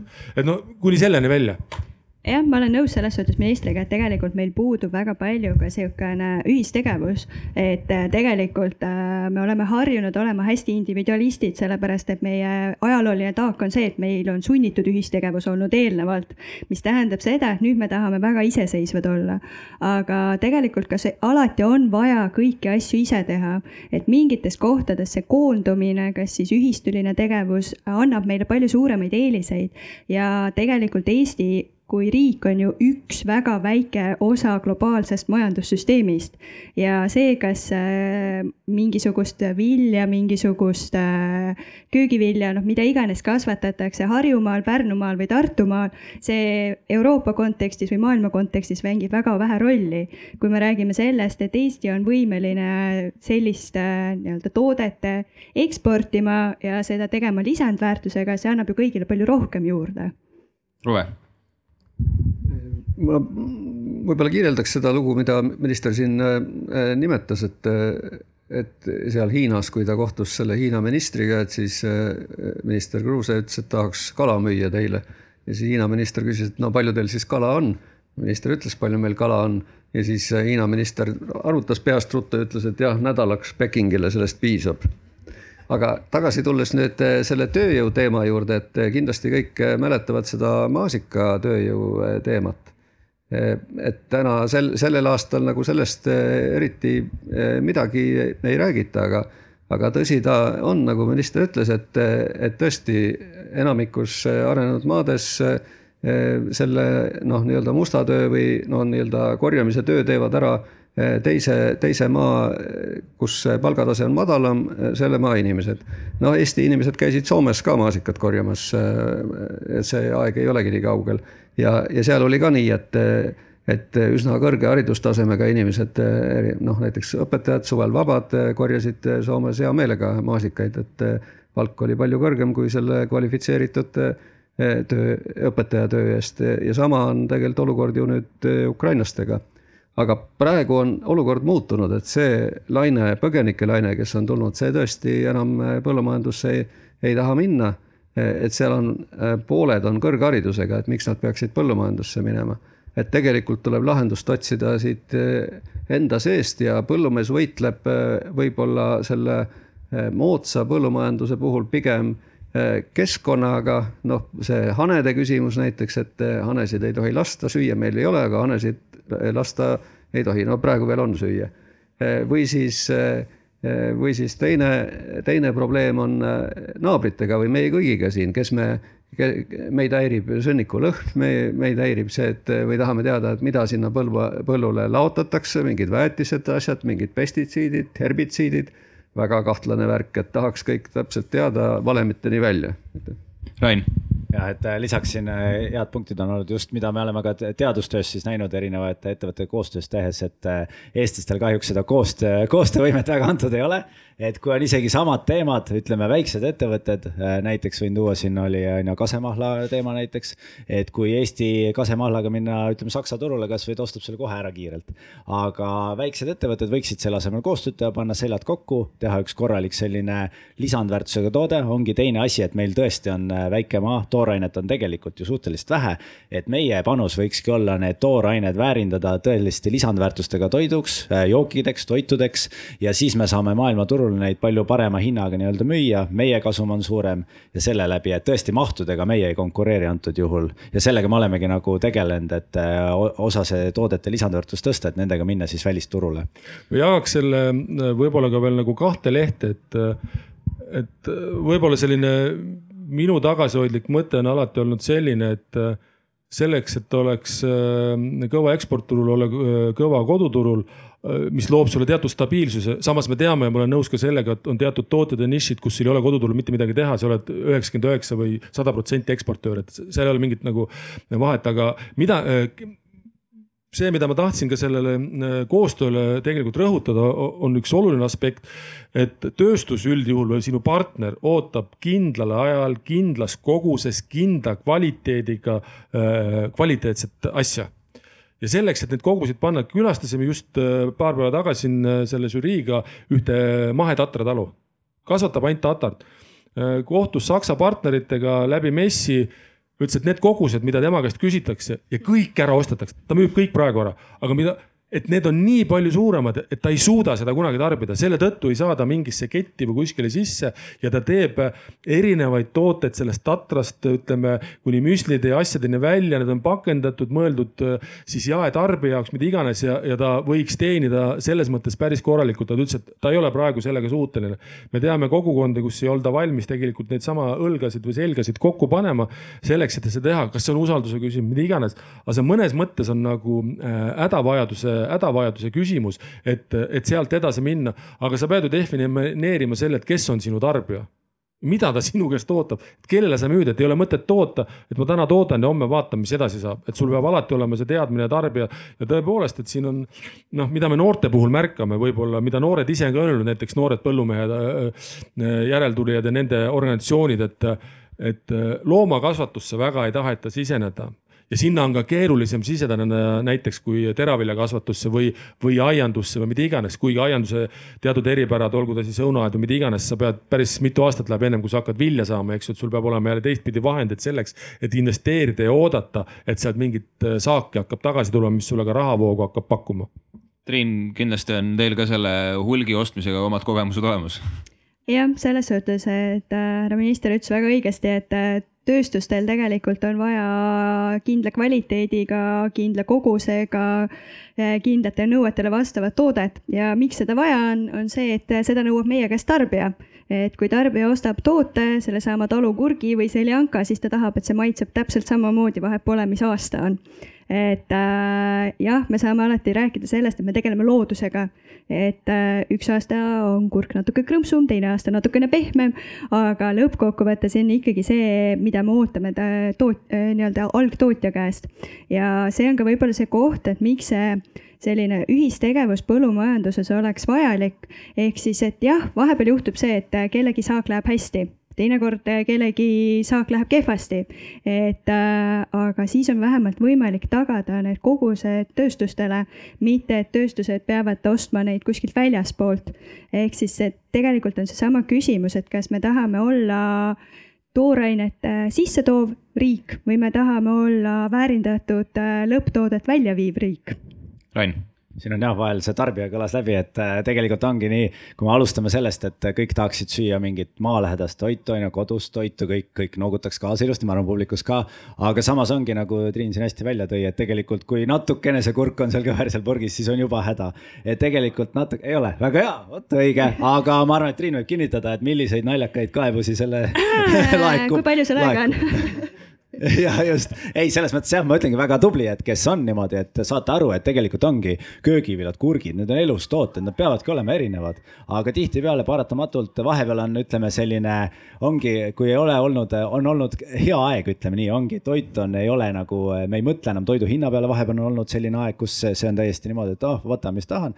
et siis tõesti on see hetk, kus hakatakse nõudma mingi ulmelisi asju tegelikult. et natukene peaks mõtlema ka tarbija selle peale, kuidas need nii-öelda toidud sinna ikkagi valmistatud on ja, ja nad ei pea kõik ühesugused olema, ei pea olema need, kuidas siin kunagi tehti nalja selle banaanikõverustega, noh, see oli muidugi pool naljaga jälle tehtud see niimoodi, aga ikkagi seal mingid loogikud samas olid. on ka neid inimesi. jah, et on, et, et nii, et see on nagu tarbijale viskaks ja teine asi, mida siin mainiti enne, et need ka natuke, mina ütlen, et natuke on Eesti tarbija ära hellitatud ka selle tootevalikuga. et see tõesti, see surve ma tean väga hästi, ma ise hindan erinevaid tooteid, mis iga aasta tulevad, et see surve toidutööstusele arendada uusi tooteid on väga suur, aga samas, et olla pildis jällegi nähtav, aga samas tegelikult see toote sortiment langeb ka päris kiiresti välja. et natukene on äh, jällegi, eks me näeme nüüd, mis need uued ajad siin toovad, aga tõesti peab ütlema, et seni me oleme väga heas elus olnud ja eks see mõjutabki ja sellest tulenevalt on ilmselt ka need äh, toidu raiskamise protsendid siis päris suured olnud, et ma arvan, et need järgmised aastad siin kindlasti teevad päris suuri korrektuure, loodetavasti. Et võib-olla korra kommentaar, et äh, palju Eestis tuleb turule uusi tooteid? Kiiresti ring mis te arvate, mis te arvate, mis see suurusjärk Eestis on? jah. toidu ja kiiresti ringlev kaup kokku. viisteist tuhat. Äh, palju on keskmise inimese toidukorvis iga nädal? jah. no peaaegu sada kuni sada viiskümmend, olenevalt tarbijast et noh, siit on see kiire arvutus, et kui palju tehakse arendustööd, kui palju tehakse, kasutatakse ressurssi, et tuua uusi tooteid. jah, need ei ole kõik Eesti tööstustes tehtud tooted, siin on väga palju ka importkaupa sees. aga ikkagi, et kui me mõtleme, et kogu kaubandusahelast käib läbi aastas uusi tooteid viisteist tuhat ja sellest tarbija ostukorvi iganädalaselt jõuab sihuke sada, sada viiskümmend. et äh, siit on ka see küsimus küsimus oli see, et kus see tellimus on äh,? tellimus tegelikult tuleb tarbijalt, et. on seda uuritud või? ja, sest Eesti tarbija on selles suhtes huvitav tarbija, et Eesti tarbija tahab äh, alati uusi tooteid Eh, ta tahab eh, katsetada, talle väga meeldib katsetada, talle meeldib erinevaid asju proovida, aga siis ta tahab minna poodi ja osta värske kapsa Borschi, mis maitseks täpselt samamoodi, nagu see on alati maitsenud. ja et maasikajogurt on ka see õige maasikajogurt seal kõrval. põhimõtteliselt võiks teha katsetajate jaoks mingi laboripoe nii-öelda, kus nad saavad katsetada, aga tegelikult suurem osa tarbijale müüa ikka sedasama kraami ja täiesti mõttetu on see viisteist tuhat uut toodet teha, et ma arvan, et see on tegelikult tööstuse drive, et on vaja kogu aeg uut, sest Teil on tööd vaja ju arendajatel, ma ise olin ka arendaja. uskuge mind, meil on tööd piisavalt no aga ikkagi. aga noh, tegelikkus on see, et äh, nagu minister ka mainis, et see konkurents toidusektoris on meeletu. kui me võtame ka selle, et meil tuli uus jaekett turule äh,, tema sortimendis on samuti umbes niisugune, kas oli kaheksa või kümme tuhat toodet. et äh, kui paljud on seal uues jaeketis käinud? Ei lähe. noh, kes on selle nii-öelda oma rahakotiga hääletanud selle uue jaeketi, uue sortimendi, uute toodete poolt? Läheb võistluseks, aga Urmas ja siis Ruve. et äh, selles mõttes äh, no me peame arvestama sellega, et kui nõudlust ei ole, siis toodet ei toodeta. see, see, ütleme, et kui me anname järgi tarbijana, siis ja, ja laseme noh me võime, me võime seda ükskõik kuidas nimetada ettevõtja või tööstuse manipulatsiooniks või mitte aga see on nagu elu, et sa tahad vaheldust saada, noh, ma sellepärast ma ütlesin, et mind ei tapa see, kui ma peaks kogu aeg sööma sealiha ja juurikat ja kartuleid, eks ju, mind see ei tapa, et ja me sellepärast ma sööngi seda, sellepärast ma sööngi seda väga palju. aga teine on ka see, et sõltub ka riigist, et Soomes toidu, toidu äh, sellist konkurentsi äh, kettides ei olnud, sellepärast nende kettide ülesehitus oli teistsugune. Need sordimendid, mida tarbijale ette anti, olid teistsugused, need hinnakujundused olid hulga ma ütleksin võib-olla riigikesksemad või ettevõtjakesksemad, aga siin lastakse ikkagi nagu pillid täiesti nagu lõhki, mille, mis teiselt poolt tähendab jälle seda, et, et kui konkurents on tugev, siis see hinnatase peaks nagu no, pikas perspektiivis olema madalam, kui ta oleks sellisel juhul, kui konkurentsi nii palju ei ole. Aga kindel on nagu see, et meil tarbijatena on võimalus mõjutada ja see on ainult jalgadega või rahakotiga ja, ja see on vana-tuntud tõde, et me peame sellega nagu arvestama. aga ka meie teatud äh, Lääne-Euroopa külalised on ka piimaleti juures on nagu pikali kukkunud, öelnud, et miks teil nii palju tooteid on, et see on üle mõistusena. aga tegelikult ütleme, mida laiem on sortiment seda kallimaks sul selle tegelikult laia spektri tootmine läheb, et see ei ole tegelikult odav ka ettevõtja jaoks, et ta ei võida ka sellest a priori alati, kui ta ei leiuta mingit väga selget kuldmuna võrreldes teistega. Ruve. Et selle toidu juures äh, on see identiteedi küsimus ka, et minister enne rääkis, et mis ta lapsepõlves sõi, et see oli sealiha, kartul, midagi oli veel. et äh, väga vähe käsi tõusis, et kes praegu sellega rahulduks. aga äh, eile oli Reporteri minutites või päevakommentaar on mingi Reporteri päevakommentaar oli identiteedi küsimuses et eh, kuidas meil identiteediga on, et kas me ka identifitseerime ennast toidu läbi ja eh, mul on tunne, et, et meil, et see on kuidagi ka lahustunud, nagu see eh, identiteedi jutt, milleni ta lõpuks jõudis, et meil on niisugune multiidentiteet, et meil ei ole selget ühes, ühe, ühte entiteeti, identiteeti. ja ma toon võrdluseks siia Itaalia rahva, kes, itaallased söövad umbes viimased kaks tuhat aastat enam-vähem sedasama kogu aeg ja, ja on sundinud veel teisi ka hakkama sedasama, mida, mida nemad ja neil on tohutu geniaalsed leiutised, eh, pitsa ja pasta, et, et lähed restorani menüü on selline, aga tegelikult on seal kaks toitu, ainult pitsa ja pasta.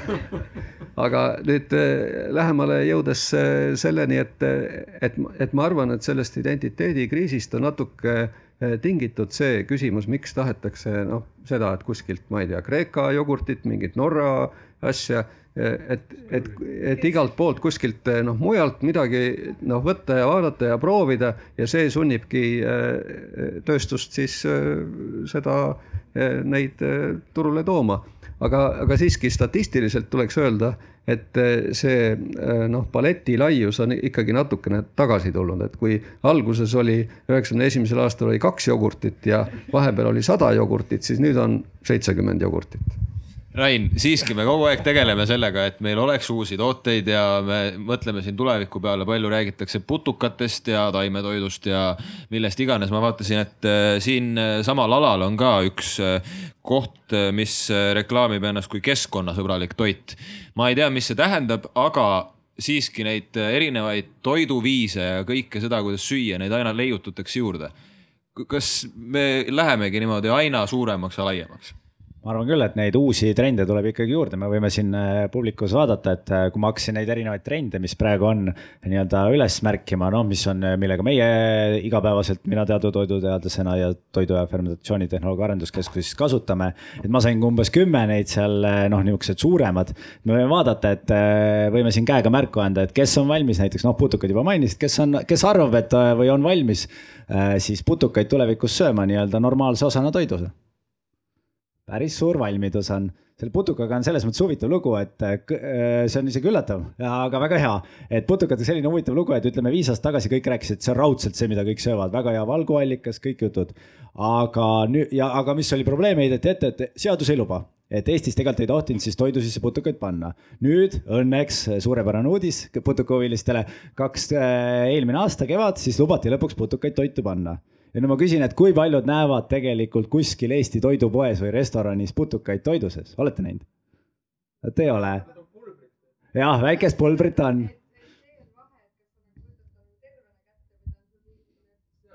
ja just, aga tegelikult nagu ikkagi näitavad aa, vot et tegelikult neid üksikuid näiteid on, aga mis see suur trend näitab, et kuigi see huvi ja see kõik eh, nii-öelda jutt, et see on nagu parem keskkonnale, on väga tore, aga ega see valmidus ikkagi sealt üleminekul ei ole, et mida tegi ka Fazer, Soome oli muidugi muud, seadusandlus oli teistsugune, nemad tohtisid enne kasutada. Nad tegid ka oma sirkaleiba, ritsikaleivast jahu, seal oli mõistlik kogus. Eh, kahjuks ma seda ise ei maitsenud, aga väidetavalt tal ei olnud nagu, ei tulnud see välja nii erinevalt. aga ikkagi see olukord oli see, et sellega saadi ülemaailmselt hästi palju meedia tähelepanu aga lõpuks see mingisugune mahutoode või et seda nagu ei müüda, ma ei tea, kas ta enam üldse valikus selles mõttes on. et, et see tegelikult see valmidus, et kui on alternatiivse, kui on muid võimalusi, siis näiteks putukad ikkagi ei kõneta inimesi. aga võime proovida järgmist ka, mõnda, äh, vetikad. Selle vastu ma arvan, et on huvi suurem, et vetikaid ilmselt oleks nõus äh, sööma, sellest on väga palju juttu, aga kahjuks endiselt on ka pigem tagaplaanil aga no ütleme vegan alternatiividest, ütleme lihaasendajad, piimaasendajad, neid te olete kindlasti kuulnud, ma arvan, et see valmidus on päris kõrge. olete nõus sööma erinevaid lihasendajaid? prinditud liha, ei, ei ole väga aga võib-olla siis selline, mis on äh, jällegi, mida Euroopa Liidus praegu ei tohi, aga võib-olla tulevikus. mis te arvate siis laborilihast ehk siis tüvirakkudest kasvatatud lihast, kes on sellest huvitatud ja valmis proovima? Mõned üksikud on, väga suur valis ei ole. ja ma lõpetaks, äh, mul on tegelikult veel, vahepeal on teistele sõna, aga neid trende on mul veel äh, mõnes. aga seni võite mõelda, mul on üks siin väga hea tulevikutrend siin kastis kes välja mõtleb, mis siin kastis on, see saab pärast selle auhinnaks endale. aga nagu te aru saite, seal putukaid või nii-öelda seda vegan kotletti seal ei ole, nii et mõelge, mis võiks olla tulevikus veel need trendikad, millest on siin ka juttu olnud tegelikult, mis võiks tegelikult olla, ütleme siis ka selle toiduohutuse ja, ja selle seisukohalt, ütleme kriisi seisukohalt nagu kasulikud lahendused mõni vihje ka tuleb või äh,? Need olidki vihjed, aga võib-olla ka unustatud, unustatud, unustatud vana on ka võib-olla vihje väga hea, Urmas.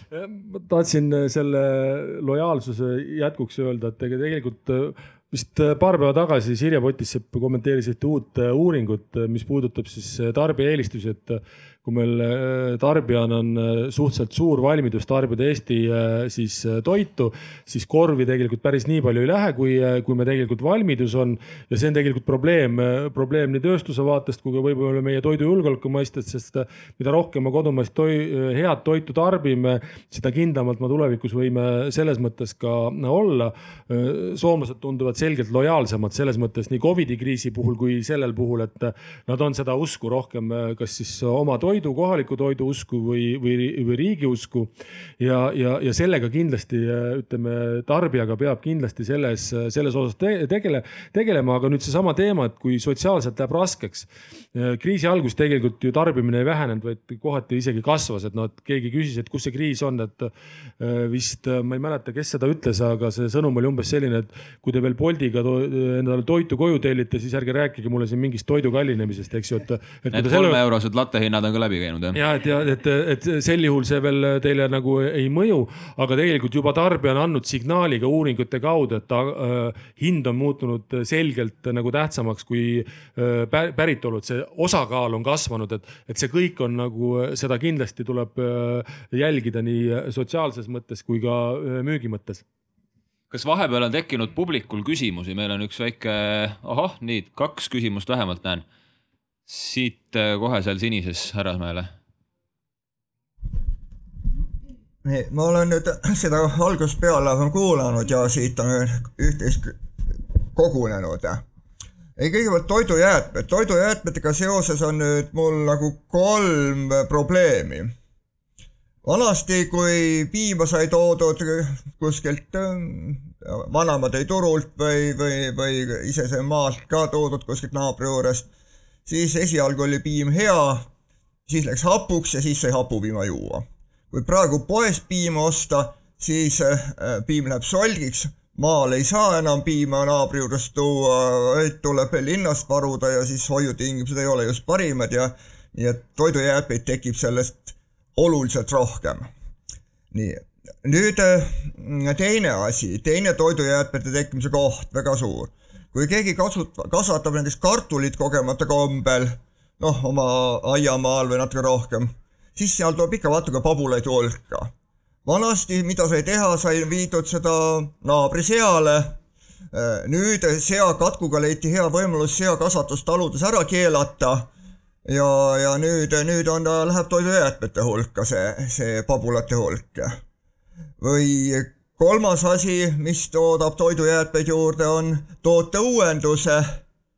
ehk ma olen harjunud ühte asja ostma, nüüd on toimunud tooteuuenduse. Äh, seda enam ei ole, on tulnud uued ja paremad. ja siis ma proovin ühte ja proovin teist, aga need pole need ja need lähevad jälle siis nii-öelda aia taha ma arvan, et Rain ja Triin saavad. nii et, nii et nagu kolm sellist toidujäätmete kasvatamise allikat ja nüüd tuleb juurde. veel, veel neljas asi tuleb ka sinna algusse juurde, et inimesel peaks olema toiduvaru kodus.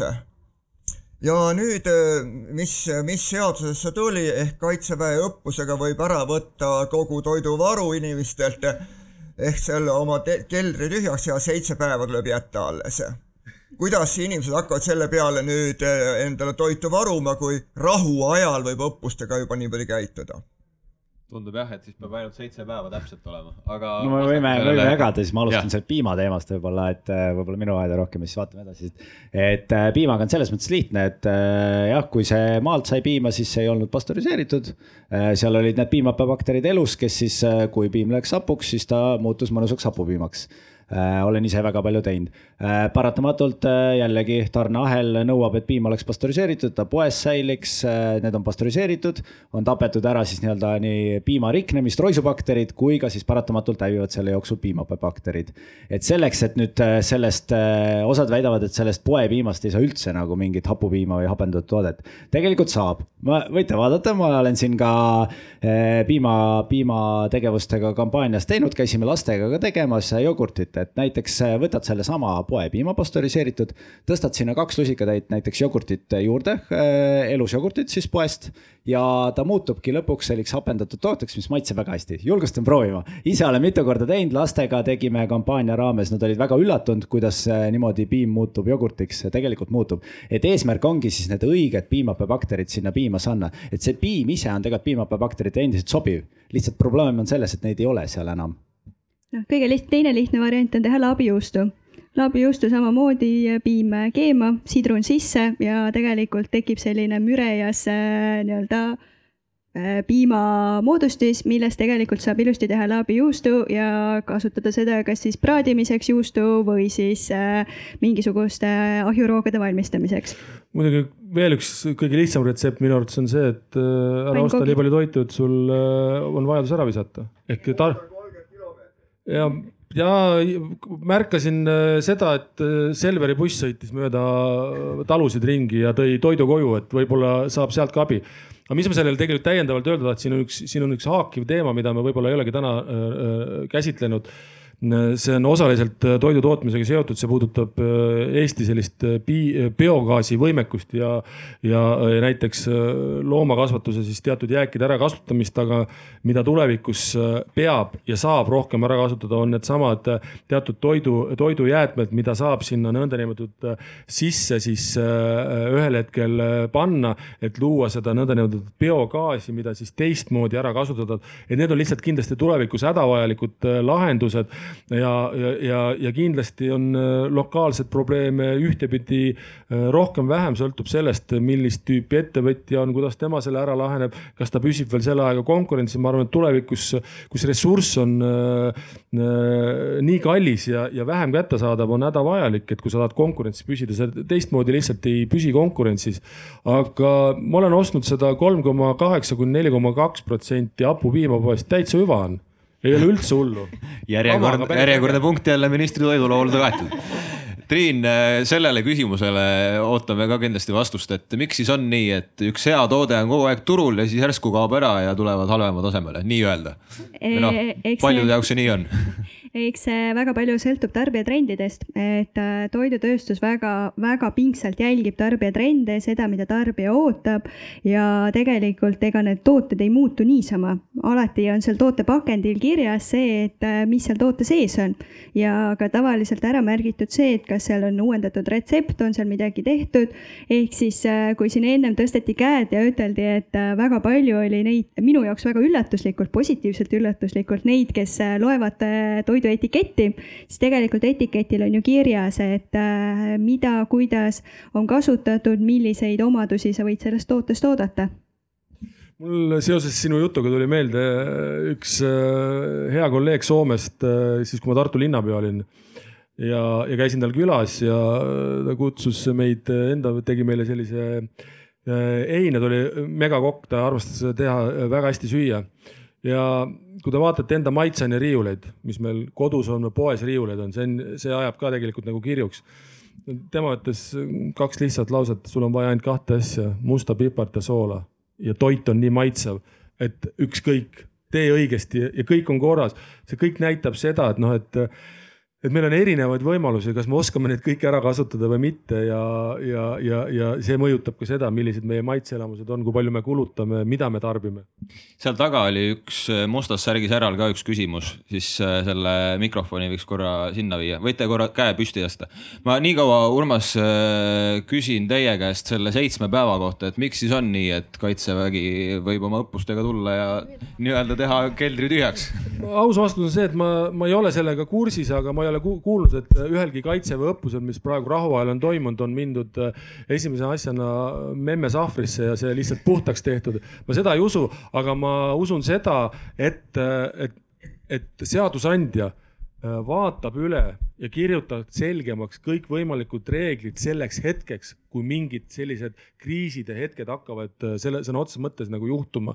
aga see on, see on, see on kindlasti hädavajalik, nii nagu sinagi enne mainisid, et, et vähemalt kord kuus teatud teemasid arutada ja need asjad on vaja kindlasti selgeks rääkida, seesama lihtne asi, et kes lõpuks maksab, eks ju. et see ei ole ju nii päris niimoodi, et me keegi ei kujuta ette, et me lihtsalt astume kuskile tallu sisse, ütleme, nüüd on kõik meie oma, seal on väga palju nüansse, nüansse taga sealt tagant küsimus, palun. jah, et äh, mul idee, et äh, leevendada seda äh, hooajatöö, tööliste probleemi nii-öelda, et on olemas nagu lastepuhkus mingi isadel ja nii edasi.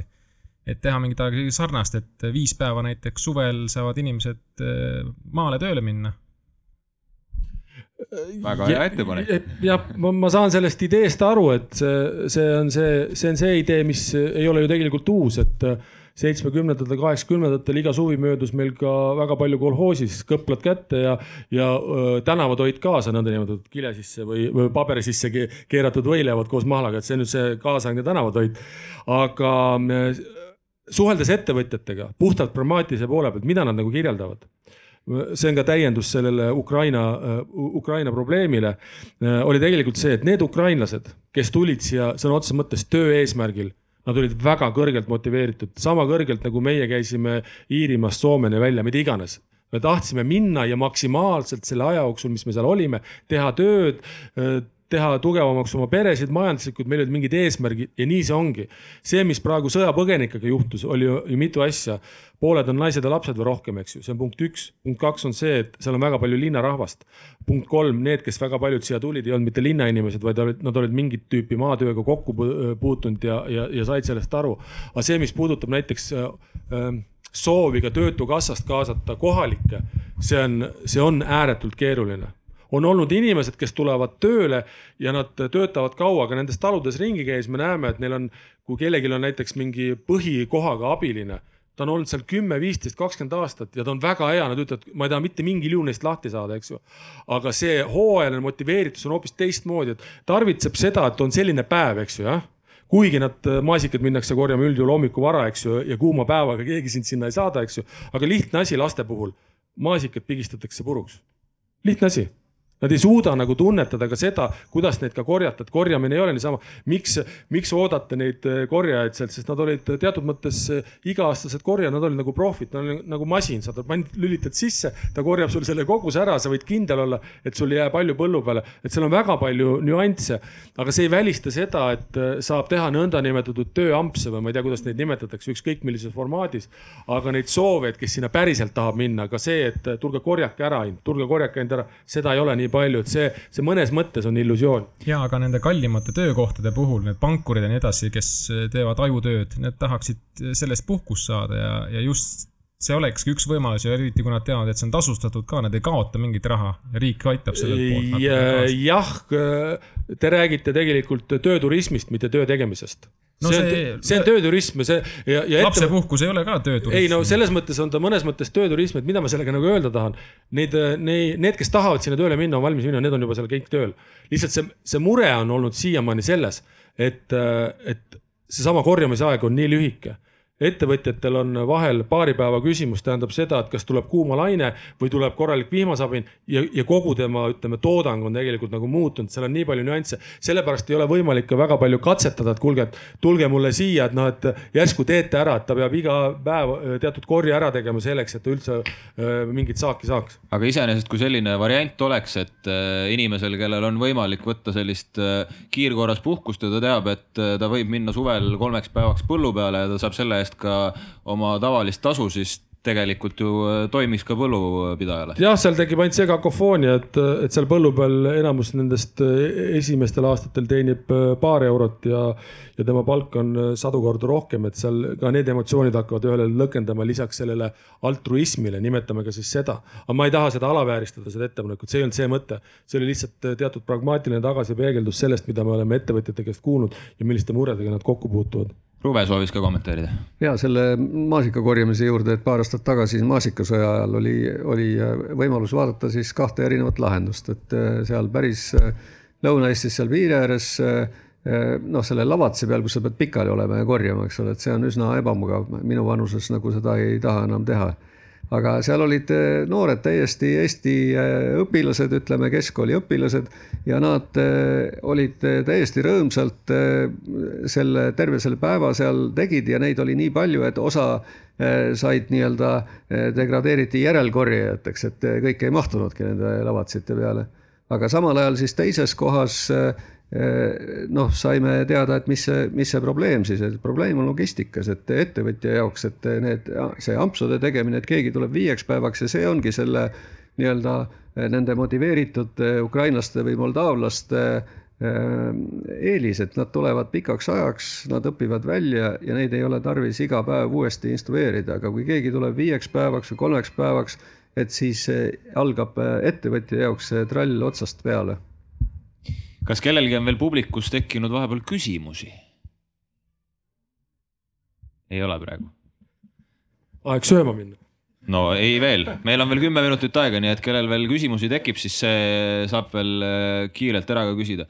ma korra küsin veel äh, ise selle kohta, et kui me siin räägime sellest, et äh, Eesti inimesed viskavad sada kakskümmend kilo toitu aastas, no sisuliselt siiski prügikasti me siis ikkagi elame liiga hästi ja meil on seda pakkumist ja kõike liiga-liiga palju, nagu me oleme siin mitu korda juba nüüd välja toonud, et äkki oleks aeg siis seda kokku tõmmata no eks seda sortimenti tegelikult on juba jaekaubanduse poolt päris palju kokku tõmmatud, et äh, nii koroonakriisist tulenevalt kui ka nüüd Venemaa agressioonist tulenevalt, et see sortiment poodides on juba väiksemaks jäänud, sellepärast et tarneahelad, äh, erinevad piirangud ei võimalda enam nii suurt sortimenti hoida. Äh, samuti on natukene juba näha seda, nagu härra minister ka ütles, uuringutest juba, et see tarbimisharjumused on muutunud, ehk siis äh, inimesed on muutunud hinnatundlikumaks, läbi selle on natukene nad muutunud ka, on see kodumaisuse eelistus langenud, et äh, ega see sortiment kaubanduses käib käsikäes sellega, mida poest igapäevaselt koju viiakse, ehk siis mille, mida tarbija oma rahakotiga hääletab, mis jääb sinna ja mis ei jää sinna. see lihtsalt äh et sellel ei ole nagu ühest lahendust, et vajutad nuppu ja kõik toimib, võtame kasvõi Toidupanga, mis abistab tegelikult äh, ja teeb koostööd kaubandusega selleks, et siis seda äh, peagi äh, tähtaja ületavat kaupa siis anda veel, mis on täielik söögi, söögikõlbulik. samuti ma mäletan, et me toetasime mingit külmikute ostu, et nad saaksid teatud tooted panna sügavkülma ja nii edasi, need on kõik tänuväärsed nagu tegevused kuni, kuni selleni välja, et noh, te olete ju tähele pannud seda, et miks paljudel kaubanduskettidel on ka kulinaaria-osakonnad. Need on kõik selleks, et noh, kui te kui te hommikul lõikate lihatüki, värske liha ja panete sinna leti peale, siis te ei saa sada protsenti kindel olla, et see ostja tuleb ja ostab selle ära aga ühel hetkel te peate sellega midagi tegele, tegema ja siis peab see ahel olemas olema. kas ta kõlbab teile veel, ütleme mingiks äh, järeltooteks, küpsetate sellega, teete mingit kulinaarset toodet, annate selle ära, need kõik on nagu, nagu läbimõeldud tegevused ja neil kõigil on oma roll, nii et, et selles mõttes äh, ma, ma ise loodan, et, et seda jääb kindlasti nagu vähemaks, aga mind tegelikult üllatab, et me kodumajapidamisest nii palju ära viskame, mind personaalselt see nagu üllatab, et ma olen püüdnud seda kogu aeg nagu mõelda ja, ja võib-olla ka sellepärast, et noh, et et äh, me oleme vahel siin vaielnud talupojasupi definitsiooni üle. minu jaoks lapsepõlves talupojasupp tähendas seda, et kui külmkapi uks, kui oli majas külmkapp, tõmmati lahti siis kõik, mis seal sees oli, sellest sai teha midagi. see mõttelaad oli nagu selline, et ükskõik, mis sul seal on, sa võid segada neid kokku panna, teha ükskõik millist toodet sellest ja, ja, ja saada kõht täis. et see oli see nagu ellujäämise küsimus. praegu võib-olla vaatad, oota, mis ma sellest, noh, võtate, võtke seesama mingi, ma ei tea, mingi singiviil sada grammi, eks ju, see ostate selle, ma ei tea, seal on kümme, kaksteist, viisteist viilu sees on ju. osad maksavad seal võib-olla euro, osad alla selle, osad kallimad. pool sööte ära, on ju Te ilmselt ei tunnetagi, et te viskate viiskümmend senti uksest välja, noh. Sõna otseses mõttes, aga see, et kas sa teed temast mingit, ma ei tea, ühepaja toidulaadset asja või paned koos kartuli või juurviljadega panni peale, kuumutad kergelt ära, sööd ära ja saad maitsva roa, paned midagi sinna kõrvale ka, et noh, selles mõttes see on ka see oskuse asi ja sellest peab ka rääkima. meil on veel üks küsimus sealt. Seda, et kui ma teen kodus oma hoidiseid, marineerin, hapendan ja siis ma panen nad noh, ikka enamasti keldrisse ja kelder on hea. ja siis ma käin mööda poodi ja mõtlen, et pagan, aga need hoidised on ju kõik riiuli peal noh, nagu tavatemperatuuril.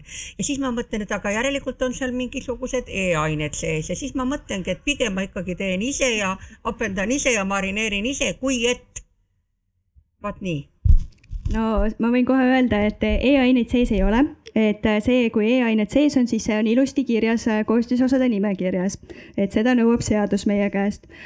mis, mis tehakse teistmoodi tööstuses kui kodus, on see, et kodus tavaliselt siis marineeritakse toode niimoodi, et pannakse kurgid purki, vaelatakse marinaat peale, võib-olla korra siis nii-öelda poti peal soojendatakse, ei soojendata, aga tööstuses läbib see toode siis kas pastöriseerimise või steriliseerimise, mis tähendab siis seda, et need mikroorganismid viiakse nulli ja läbi selle tagatakse talle säilivusaeg kõige lihtsamalt. üldjuhul lendab veel kurgipurgil kaan pealt ära, kui me teda kaua toas hoiame, me hoiame seda sellepärast keldris igal juhul ja toome välja, sööme ruttu ära. Rain.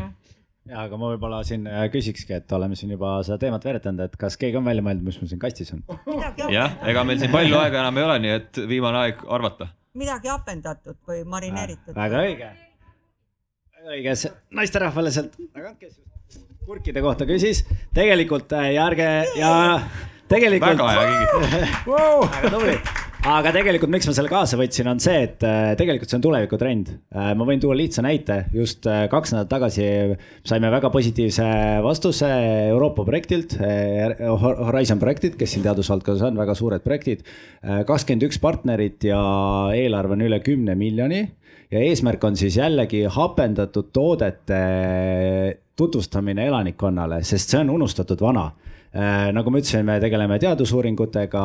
Äh, me tegelikult siin on väga palju kasulikku lisaks siis toitainelise väärtusele ka mikrobioom, see on elustoode, hapendatud toode ja see on kõhu tervisele hea. ja millega me hästi palju hakkamegi selle projekti raames tegema, uurime, kuidas erinevad hapendatud tooted mõjuvad kõhu tervisele ja, ja seda siis propageerime elanikkonna seas, sest tegelikult paratamatult kahjuks äh, see trend hakkab langema, näiteks Koreas, kas te, keegi julgeb pakkuda, kui palju sööb keskmiselt korealane siis mitte hapukapsast, vaid kimchit?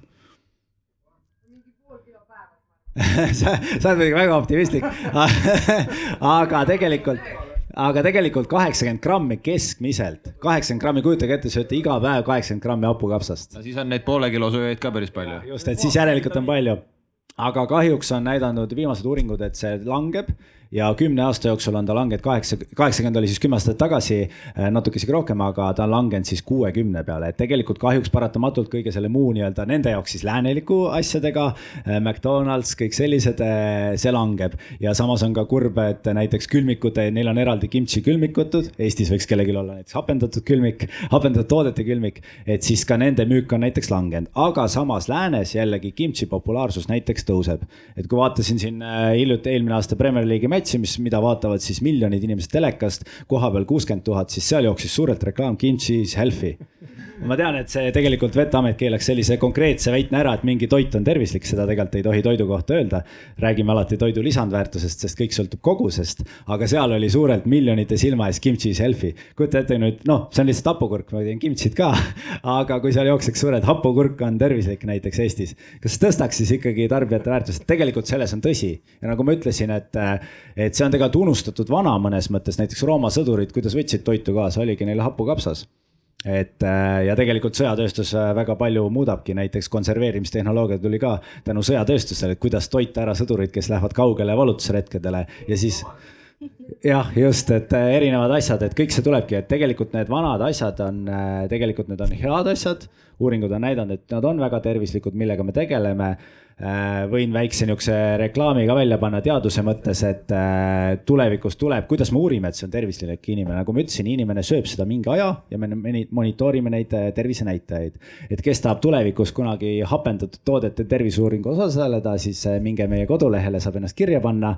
ja kui te kvalifitseerute, siis te saate uuringus osaleda, see eeldab siis seda, et te mingi aja sööte seda hapendatud toodet.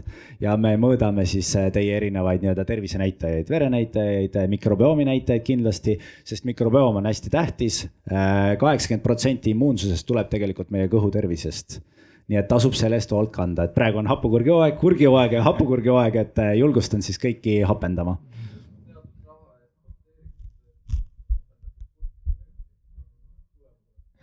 ma arvan, et selle vestluse võibki selle, sellega kokku tõmmata, et kuigi äh, Veteamet ei lubaks, siis äh, hapuhurk on tervislik. jah, siin ma võin julgelt seda niimoodi, kuna see on arvamusfestival, siis ma võin julgelt seda välja öelda, et muidu kurgipurgi peale kahjuks seda niimoodi kirjutada konkreetselt ei tohi aga suur tänu, me rääkisime kriisist, äh, toitumisest laiemas pildis vist võib öelda, et kindlasti oleks mõistlik ka igalühel endal oma toidulaud üle vaadata, mis läheb prügikasti ja mida võiks siis panna endale keldrisse või kuhugi mujale hoidisteks. suur tänu, äh, Ruve Šank, äh, Urmas Kruuse, Triin Kõrgmaa ja Rain Kuldjärv, mina olen Brent Pere, suur tänu. aitäh teile. selge see, et ega kõike kõike teha.